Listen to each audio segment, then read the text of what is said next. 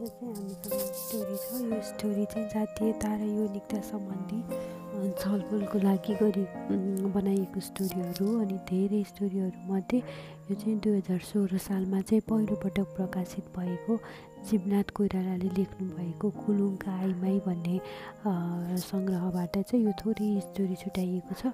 पहिला के रहेछ पढौँ अनि त्यसपछि रिभ्यू गरौँला है त।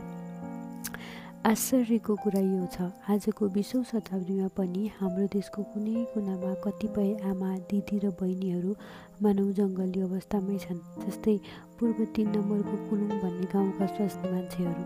तर तिनीहरूको आत्मा अत्यन्त पवित्र छ। छल कपड तिनीहरूका निमित्त ईश्वरले सृष्टि नै गरेन यो भान हुन्छ। बौद्धिकता र आत्मपवित्रता विचित्र छ।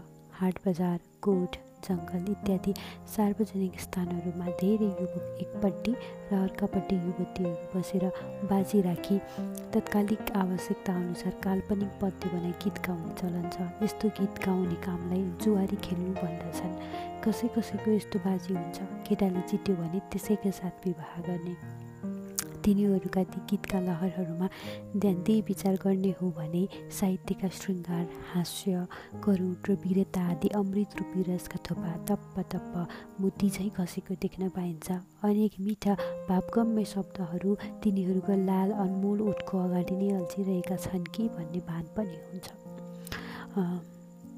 संसारका कपास या सुनका कारखानाहरूमा आगै लागोस्। विश्वका मानव समाजका घन्टा घन्टामा फेसन बदलोस् या उन्नतिका शिखरमा पुगोस् या विश्व खरानी नै होस् तिनीहरूलाई केही प्रभाव छैन। ती आफ्ना जङ्गलमा उम्रेका आफ्नो हातले काटेका सफा गरी काटेका बुनेको आलो नामक एक वनस्पतिको बोक्रा कपडा बोक्राको कपडा सर्वाङ्गमा लगाउँछन्।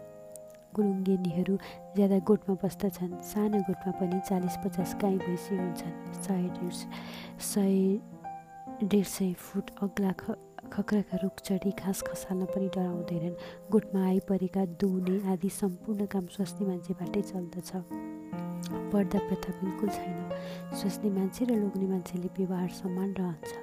भारी बोकेर भोट मधेस गर्छन् यसमा शारीरिक शक्ति भएको स्वास्नी मान्छे लोग्ने मान्छे दुवै हिँड्दछन्। आफ्ना गाउँका युवक वा युवती जोसुकै जोसुकैका साथ हिँडुल गर्न अन्कनाउँदैनन् कहीँ फौदारी अथवा झगडा भयो भने लोग्ने मान्छे स्वास्नी मान्छे दुवैले भाग लिन्छन्। लोग्ने मानिसका साथ खुकुरी भई आइमाईका साथ खुर्पा हुन्छ। यिनीहरूमा रिसायो भने सोझै जाइ लाग्ने र खुसायो भने ज्यादै प्रेम गर्ने चलन हुन्छ। आजलाई एउटा मात्र स्टोरी पढौँ। Good night.